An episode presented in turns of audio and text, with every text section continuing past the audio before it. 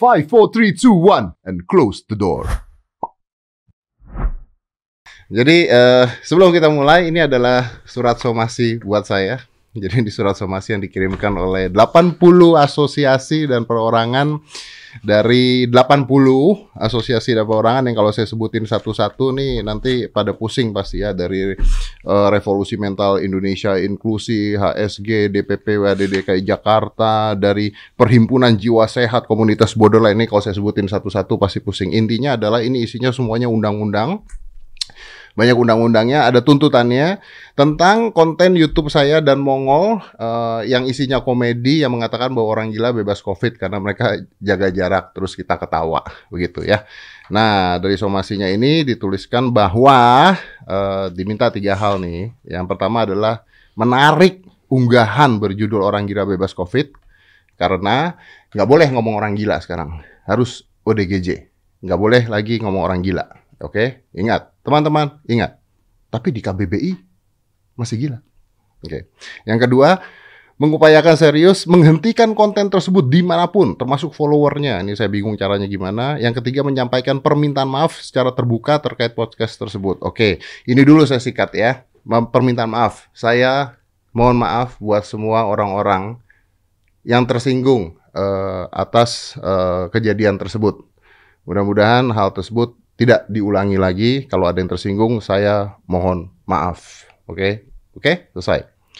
Nah, jika dalam batas waktu tersebut tidak ada itikat baik, ini barusan itikat baik, uh, saya dan Mongol uh, kita akan melakukan upaya-upaya hukum. Oke, okay, berarti ini ada deliknya hukum. Nah, di depan saya ini ada orang hebat sekali dari Erlangga, eh, dari Kemenkominfo-nya langsung, staf ahlinya.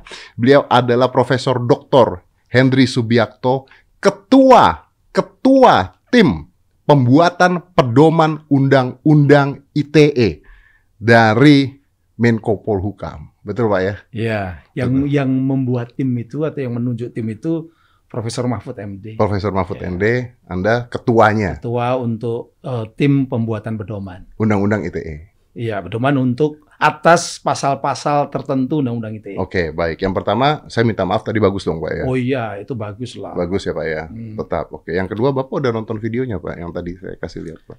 Ya, saya melihat sekilas lah. Tadi uh -huh. udah saya lihat memang lucu-lucuan gitu ya. Betul. Uh, bicara mengenai hal-hal yang dianggap menarik, lucu, tetapi hal yang sekarang sedang in yaitu mengenai COVID kan betul, gitu. Betul, betul, betul. Ya. Nah, gimana Pak?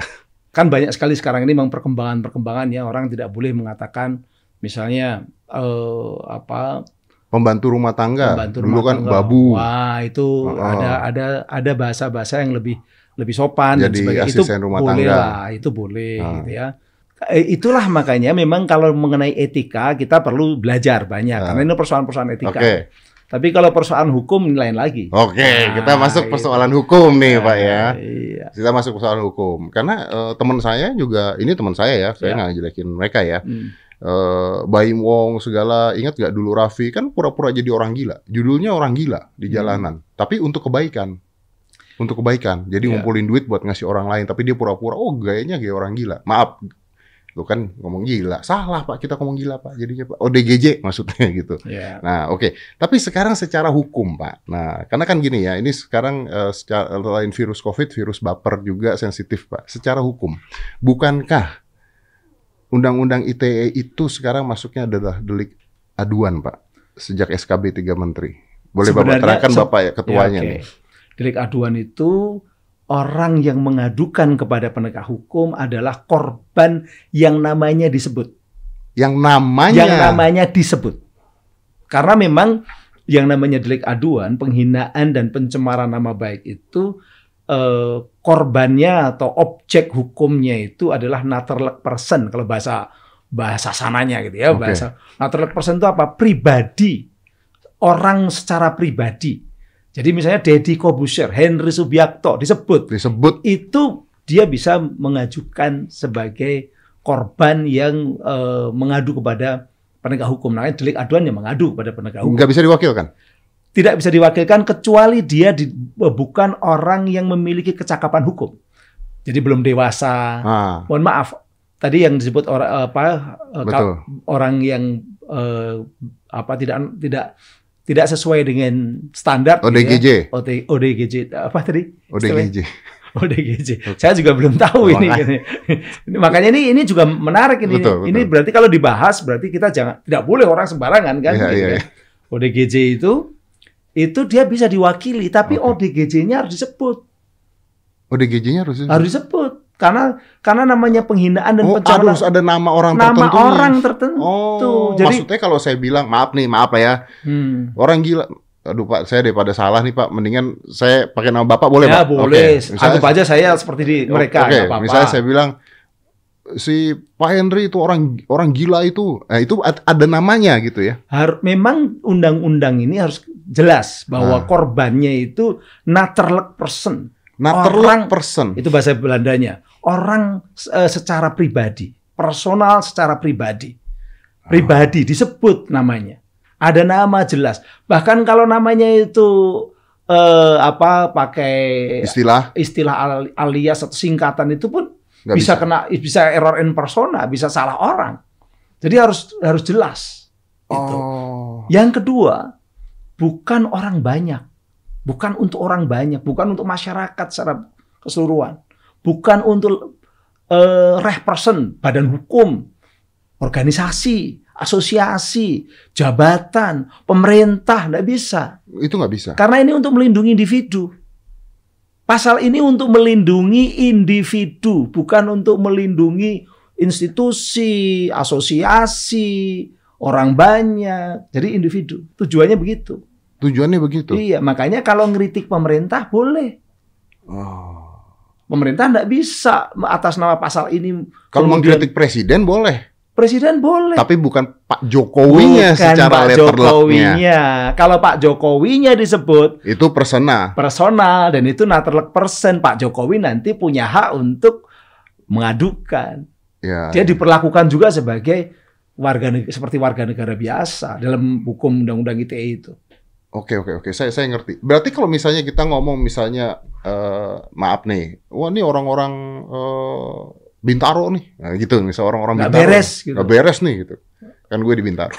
Iya, Itu kan bisa dilaporkan harusnya. tidak bisa dilaporkan. Jadi dulu ada kasus misalnya ya eh, apa itu yang di Jogja tuh orang Jogja eh, blow on misalnya begitu atau Oh. orang Surabaya kayak kebetulan orang Surabaya Oh Surabaya Pak. Surabayaan gitu, gitu Misalnya. jancuk misalnya begitu. cancok. itu itu tidak bisa orang Surabayanya marah lalu, lalu marah boleh marah mengkritik boleh Boleh, balas Boleh, mengkritik. mengkritik Ya. boleh. tapi kemudian melaporkan atas nama oh, masyarakat Surabaya itu nggak bisa karena bukan personal bukan naturally person tadi Bukan naturally bukan naturally Person. person karena ini un- untuk meng- me- Oh. me- apa, melindungi hak asasi individu-individu warga negara individu bukan orang banyak Oke jadi, oke. jadi kalau misalnya saya pas lagi naik mobil langsung pas kebetulan sambil podcastan gitu ya terus jancuk Jakarta kok macet kayak gini misalnya begitu Ah. nggak bisa juga kita kena Orang Jakarta marah-marah. Orang Jakarta marah-marah. Dituntut. Ya, nggak bisa. Ini kalau seperti itu ribut terus nanti di apa ini eh, dunia media sosial dan sebagainya. Oke oke oke. Jadi tidak sembarangan. tidak sembarangan. Tidak sembarangan. Dan undang-undang ITE bukan undang-undang yang untuk nakut-nakutin orang banyak. Iya, karena begini Pak, kalau misalnya begini, saya makanya saya dari kemarin juga saya bilang, makanya kenapa saya butuh Pak Henry karena nama Anda keluar dari teman-teman saya. Alhamdulillah ada yang ingat saya. Wah, iya dong. Maksudnya gini, saya bukan yang nggak mau minta maaf, saya sudah minta maaf Pak, udah minta Iya. maaf. Cuman kalau hal seperti ini menjadi besar, lama-lama orang takut untuk berkarya juga Betul. gitu Pak. Betul. Dan bukan hanya takut berkarya, tapi nama Indonesia juga menjadi sebuah negara yang menakutkan. Itu dianggap nanti eh, apa itu indeks demokrasi kita, kebebasan bicara, kebebasan sipil itu menjadi jatuh. Dan Ya, itu nama Indonesia. ya, ya. Dan dan kemudian Indonesia punya hukum yang namanya draconian code. Undang-undang yang menakutkan warganya namanya apa? ITE. Dan itu kan sekarang kan seakan-akan ITE itu draconian code. Ya, ya. Nakut-nakutin semua. Karena salah persepsi. Karena salah persepsi. Salah persepsi, salah implementasi di banyak tempat. Sehingga akhirnya presiden sendiri yang minta supaya ini harus dikaji. Ini harus dibuat pedoman. Kalau perlu direvisi. Anu gitu. Betul, betul. Akhirnya betul Pak Menko Polhukam mem- membentuk tim, tim besar. Di dalam tim itu ada dua tim, subtim, subtim satu untuk eh, untuk eh, buat pedoman, saya ketuanya. Subtim kedua membuat revisi. Ini Profesor Dr. eh, Widodo Eka Cahya dari dari guru besar juga. Nah, dua-duanya melakukan kajian. Nah, yang ya saya oke, yang ini nggak usah kita bahas. Yang ini, yang pedomannya ini udah ada sudah ada ditandatangani Kapolri, ditandatangani Jaksa Agung, ditandatangani juga Menko Kominfo, Menkominfo. Artinya pedoman ini itu menjadi eh, acuan cara implementasi di lapangan anak buah dari Jaksa Agung, anak buah dari Kapolri, anak buah dari Menko Kominfo. Jadi kalau misalnya nanti ada penegakan hukum, lihat dong pedomannya. Oke, nah, nanti saya mau ke sana nih Pak. Nanti saya mau ke sana. Nah. Tapi sebelum saya ke sana, saya eh, bereskan ini dulu nih Pak ya. Nanti saya mau tanya Oke, itu tuh. oke. Saya bereskan ini. Pertanyaannya begini. Artinya kalau misalnya ada seperti ini, harusnya asosiasi ini eh, kesayanya seperti apa? Bukan somasi dong harusnya. Ya harusnya adalah mengingatkan. Ini kan Hmm. sebenarnya kan banyak orang tidak tahu bahwa ada istilah-istilah seperti Betul, itu betul. tidak boleh disebutkan dan sebagainya. Ini kan perko ini memang memang eh, ya masyarakat saya pun juga nggak tahu kok, Iya. gitu kan.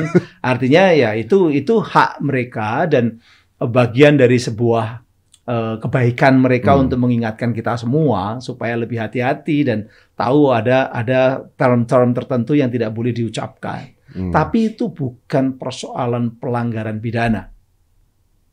Oke, Hmm. oke. Jadi artinya bukan maksudnya hukum larinya. Iya, kalau hukum itu, kalau pidana itu harus ada aturan yang ditarap, ditabrak oleh pelakunya. Jadi Mas Dedi dengan sengaja tanpa hak ada aturan, aturan itu ditabrak. Nah, kalau aturannya tidak sesuai, tidak seperti itu. Oke, gimana kalau misalnya dianggap oleh mereka bahwa ketika saya sama Mongol yang tadi Bapak nonton Hmm. itu dianggap sebagai penyebaran hoax karena pada kenyataannya orang hmm, saya mau ngomong orang gila lagi. kenyataannya Hmm. orang ODGJ di RSJ ada yang kena eh, COVID. Nah, Saya tahu bahwa Mongol tujuannya pada saat itu adalah berkomedi pada saat Komedi. itu. Sama kayak makan pete nggak bisa kena COVID loh. Lo kenapa? Ya soalnya orang jaga jarak sama lu gitu. Tidak semua apa yang kita sampaikan itu katakanlah sesuatu yang salah, itu lalu dianggap hoax dan bisa dipidana. Ya, Oke. sekali lagi, sesuatu yang salah yang kita lakukan ucap, ucapkan itu salah, kemudian dipidana. Tidak semuanya bisa dipidana, kecuali ada peraturan yang jelas-jelas dilanggar. Nulum Contoh, contoh, contoh. Nulum delictum nulla puna sine previa lege punale itu kalau bahasa Madura bahasa Maduranya begitu bahwa sesuatu disebut sebagai delik itu kalau sudah ada aturan aturan itu kemudian dilanggar. Nah, aturan tentang hoax Nah, oke, ini aturan tentang hoax nih, Nah, Pak. aturan Ya. tentang hoax itu hanya ada di Undang-Undang Nomor 1 Tahun 46 pasalnya 14 dan 15.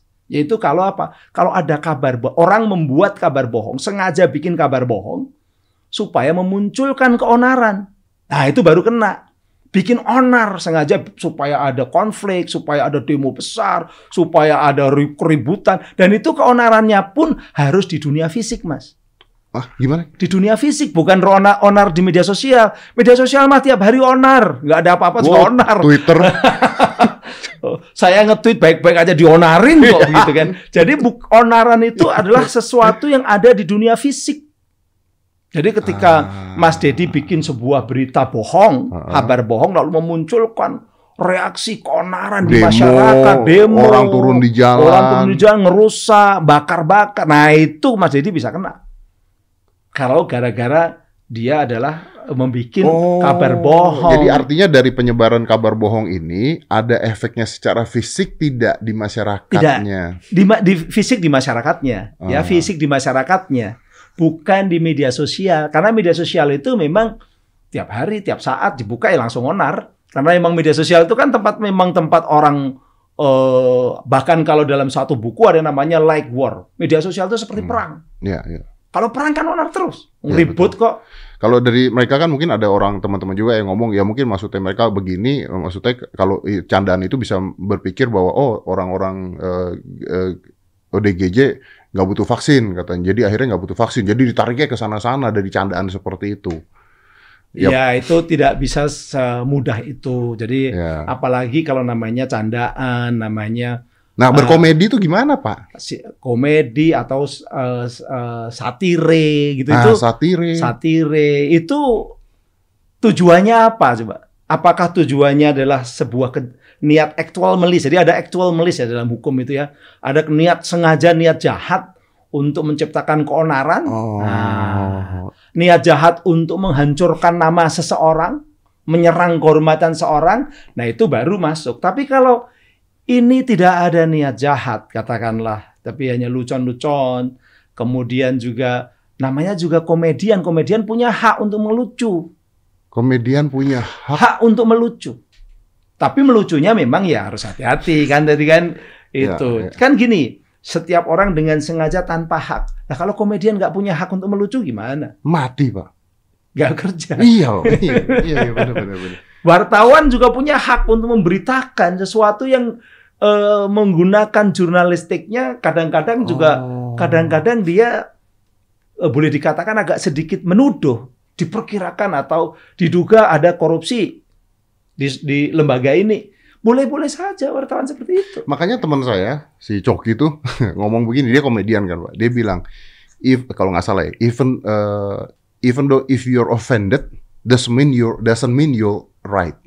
Iya. Jadi kalau Anda tersinggung pun boleh, tapi belum tentu Anda benar gitu. Iya, karena memang di Undang-Undang ITE itu ukurannya bukan persoalan ketersinggungan perasaan dari korban atau orang lain yang merasa menjadi korban, bukan itu, tapi unsur-unsurnya. Jadi harus objektif unsur-unsurnya, bukan perasaan wah ini menghina saya nih, menghina kaum saya nih, menghina korp saya ini nggak bisa seperti itu. Itu sensitivitas sosial itu, itu persoalan sensitivitas sosial. Tapi kalau undang-undang itu harus eh, dia harus hitam putih. Ya, kayak kayak acara kayak kita- acaranya Mas Didi. Kita kan kan? pernah di situ sekarang. Loh Pak, oke. Tapi gini, sekarang saya balik nih. Ada nggak orang-orang yang akhirnya menjadi korban karena ketidakpahaman ini?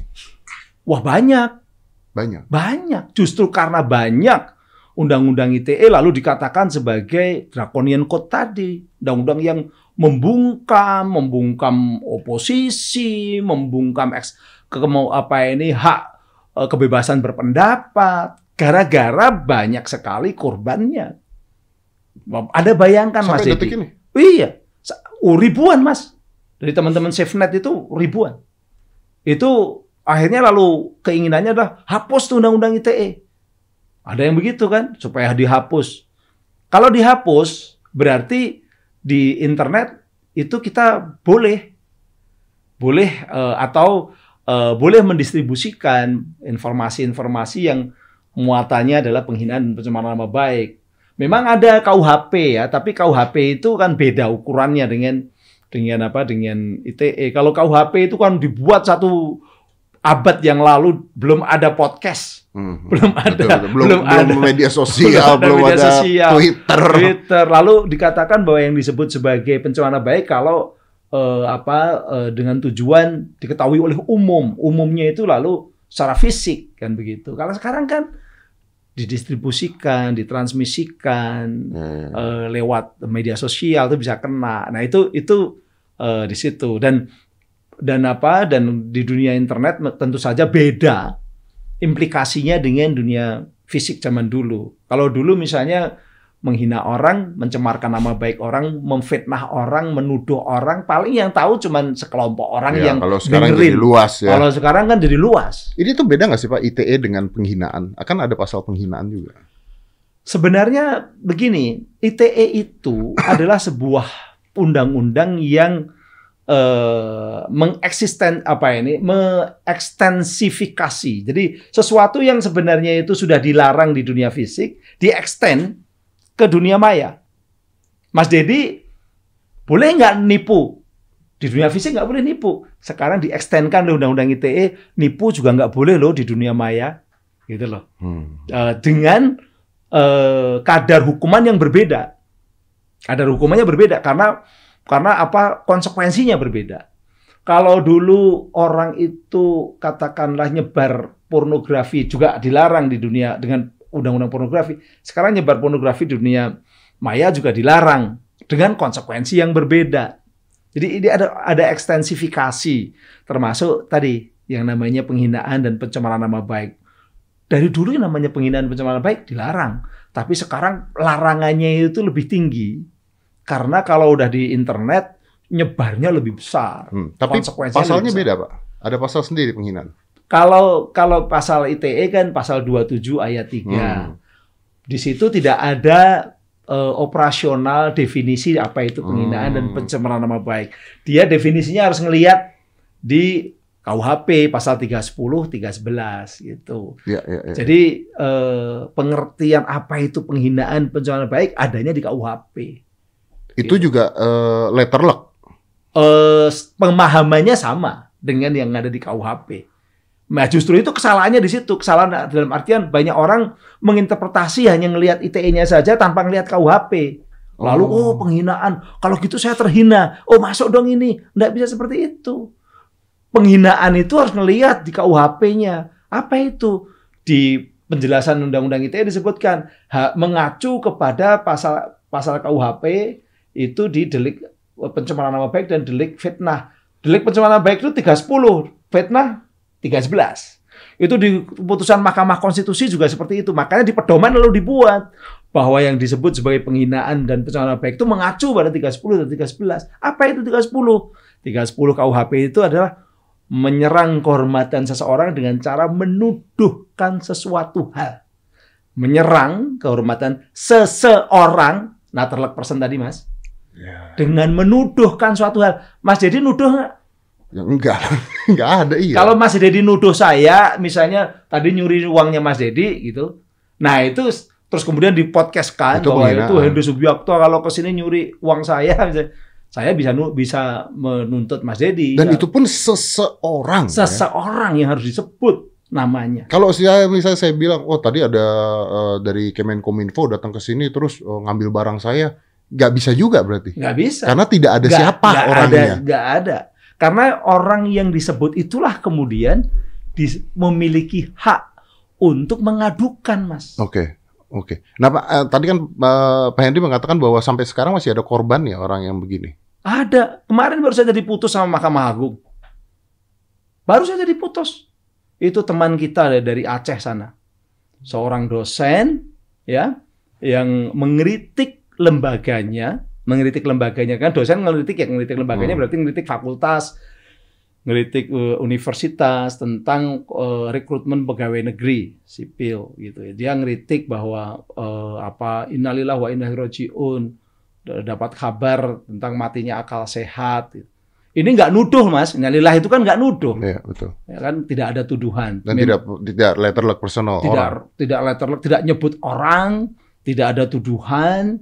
Dia memang mengatakan bahwa eh, ini bukti determ, apa ini determinisme teknik yang bisa dikorupsi atau dikorupsi gitu. Tapi itu dikorupsi dan sebagainya itu juga bukan tuduhan karena nggak kalau namanya tuduhan harus ada orangnya yang dituduh.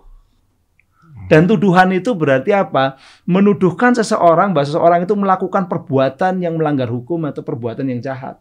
Di situ tidak ada innalillahi wa inna itu bukan bukan tuduhan, tapi ini terjadi dan diputus kena tiga bulan, mas. Seorang dosen kena tiga bulan, dosen alumni Amerika ribut sekarang. Ribut, Wah ribut lah. Ini berarti pertama memang benar undang-undang ITE itu diinterpretasi macam-macam. Pedomannya udah jelas nggak? Di pedoman yang kita buat sama-sama, ini yang membuat itu kan ada unsur TN, ada unsur Polri, ada Hmm. unsur kejaksaan, ada Hmm. unsur Menkumham, ada unsur Menko Polhukam, ada unsur Kominfo, bahkan sudah mendengarkan dari aspirasi masyarakat, korban. Mas Dedi kan waktu itu diundang juga. Iya, ya, saya ada di sana Ah, waktu itu betul iya. betul betul. Itu, itu kita bikinkan sesuai dengan dulu pembuat undang-undangnya ya kita bikinkan supaya jelas. Oke. Sebenarnya clear sekali mas. Yang namanya pencemaran nama baik itu tidak asal penghinaan dan pencemaran nama baik itu tidak asal orang merasa terhina lalu oh ini kena undang-undang. Jangan ITE. sampai Indonesia jadi negara ketakutan ya. Iya. Karena kita ini kan sudah demokrasi. Demokrasi itu ada kebebasan berbicara. Memang tidak semua pembicaraan itu secara bebas absolut tidak. Ya, ya, ada. nggak boleh nuduh orang, nggak boleh memfitnah orang, nggak boleh nyebaran tuduhan atau fitnah.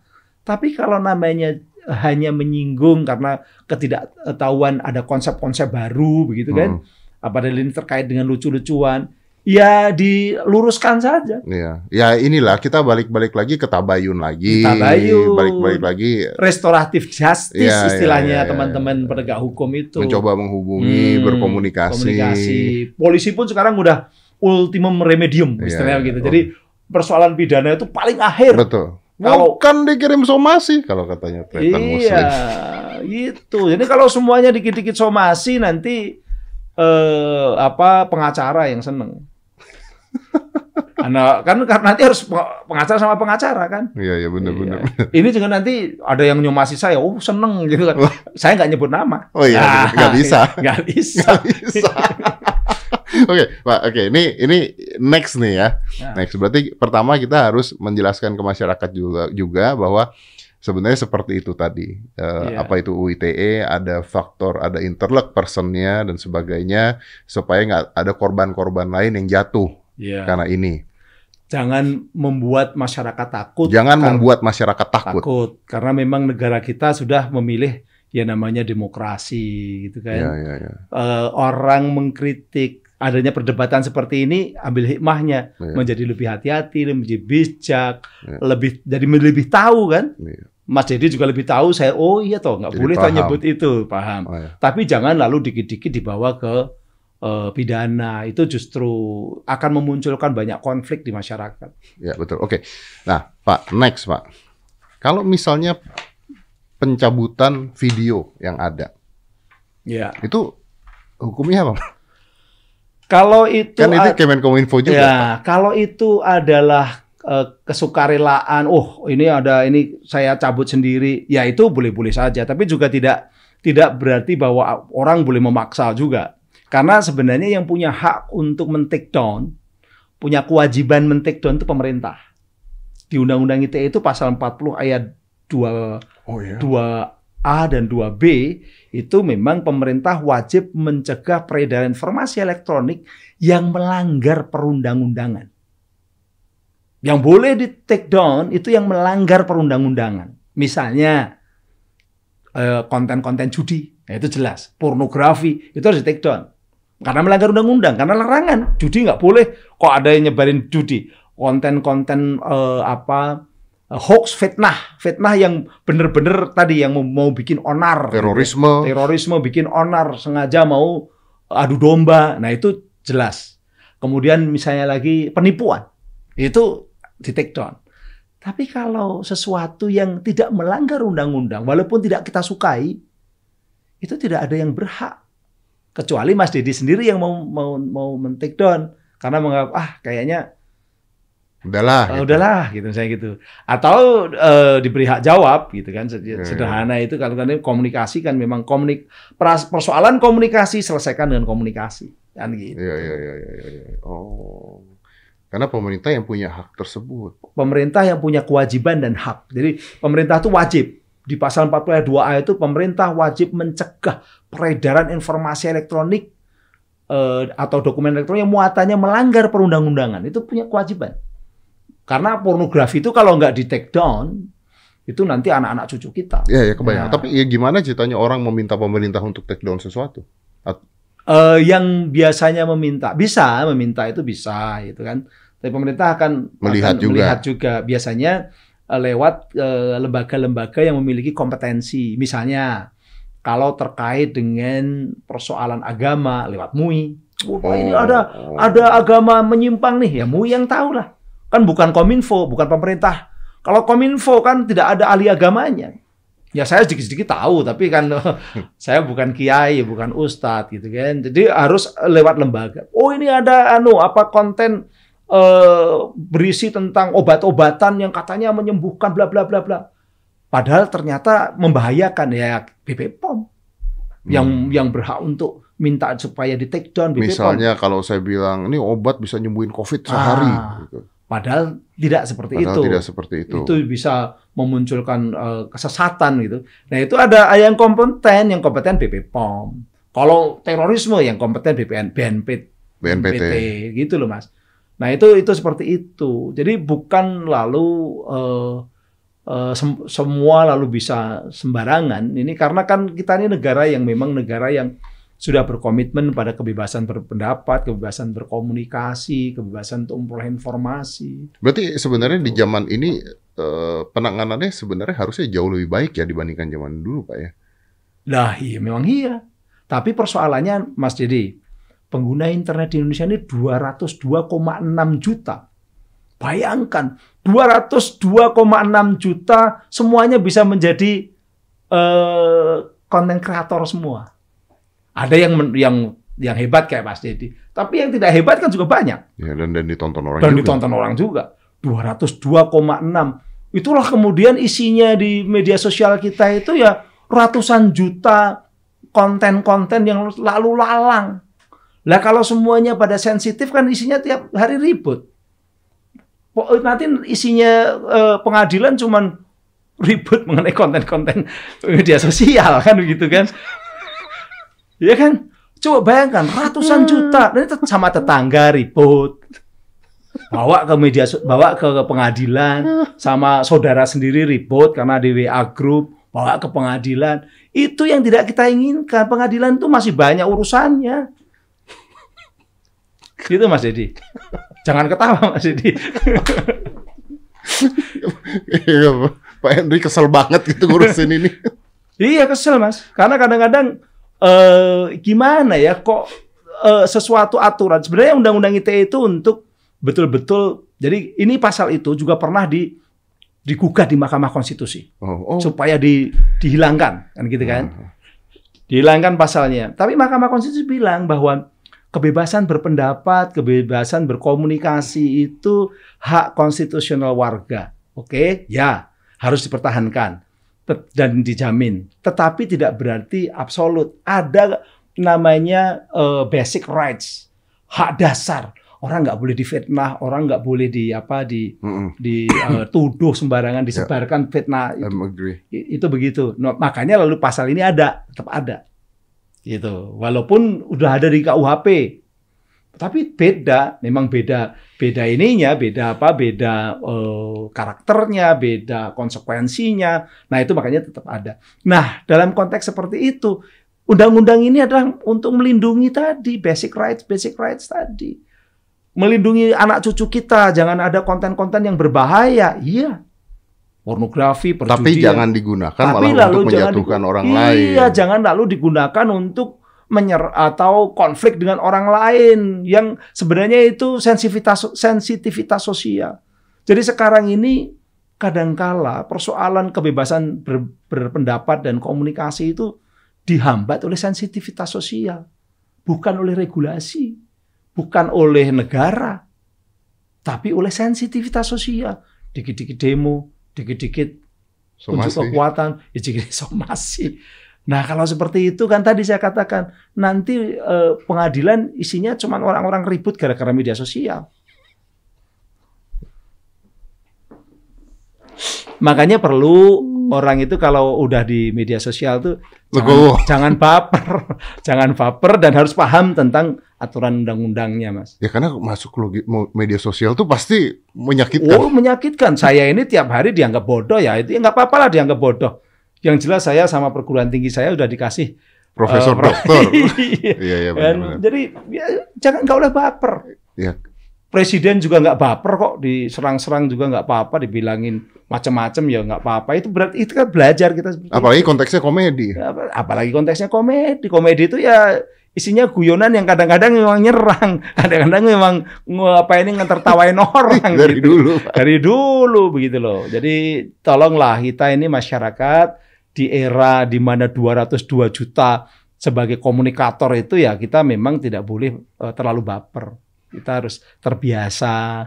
Tapi mengkoreksi omongan Silahkan, orang silahkan. Silahkan. Supaya lebih cerdas, lebih hati-hati. Ya, ya, ya. Iya. Saya setuju sekali dengan Pak Henry. Iya. kali ini mantap, Anda, Pak. Tapi saya nggak lucu loh mas. Apa? Nggak seperti mas yang lucu-lucu kemarin. Oh, ya, nanti kena. nanti Anda kena kalau lucu-lucu. Karena memang banyak juga teman-teman eh, stand up juga yang eh, mereka memang harus pintar gitu. Kalau bisa bisa mungkin tidak menghina siapa pun gitu. Tapi kadang-kadang mereka juga tidak punya maksud menghina dan bahkan nggak nyadar kalau oh ternyata ini istilahnya beda ya. Kan ya nggak tahu gitu. Saya yang guru besar aja nggak tahu kalau ada istilah seperti itu, ya kan? Eh, Dan keluarga saya mungkin juga ada yang yang yang seperti itu katakanlah begitu ya. Tapi kan kita nggak tahu. Jadi begitu banyak istilah-istilah baru. Tapi ini ada hikmahnya. Hmm, Oh jadi orang tahu, gitu Jadi kan orang mas? tahu, iya, Iya. bener-bener. Pak, di sini ke Bandung ngapain Pak? Di Bandung ada eh, semacam pelatihan gitu ya, pelatihan. Tapi mix juga online sama offline. Dan kebetulan teman-teman itu dilatih di eh, bela negara, nasionalisme. Jadi saya harus ke sana. Oke, satu pertanyaan terakhir sih Pak. Rahasianya apa Pak? Rahasia apa itu? Anda kok masih sehat, tidak kena COVID, tidak apa? gitu? Oh harus bahagia dan gembira, bersyukur. Nah, selalu bersyukur. Walaupun Anda dikata-katain orang tiap hari. Lah itu juga bagian dari dari apa? Dari eh, berarti dia perhatian sama saya. Alhamdulillah kan. Iya bersyukurlah. Hidup itu harus bersyukur. Walaupun doa kita nggak tercapai, nggak sesuai dengan keinginan, kan Tuhan tuh maha pengasih, maha penyayang, dan Dia tahu apa yang terbaik bagi kita. Ya kita bersyukur. Ternyata Henry Subiakto nggak dikasih jadi orang kaya. Saya nggak bukan orang kaya loh mas, gitu kan. Jadi bersyukur tetepan. Gitu. Tidak kayak Mas Dedi punya studio juga. Oh, kan saya belum menghampiri tempat Anda. Tapi kan kekayaan itu beda-beda Pak ya. Ya Dengan itu ada lebih- tulisan profesor doktor ini kekayaan yang luar biasa. Pak. Alhamdulillah itu nggak tahu tuh dulu kok teman-teman kok percaya gitu ya. Alhamdulillah. Iya, tapi ini 2015 tuh mas. kekayaan yang luar biasa. Amin. Pak, an honor Pak. Terima kasih banyak. Mudah-mudahan ini bisa menjelaskan ke banyak orang juga tentang tadi kata-kata Bapak bahwa undang-undang ITE itu dibuat bukan untuk nakut-nakutin orang, bukan untuk menjarain orang, bukan untuk ini ini ada orang. hal yang perlu saya sampaikan. Undang-Undang ITE itu dibuat tahun 2008 mas. Hmm. Bareng dengan pembuatan Undang-Undang Keterbukaan Informasi Publik.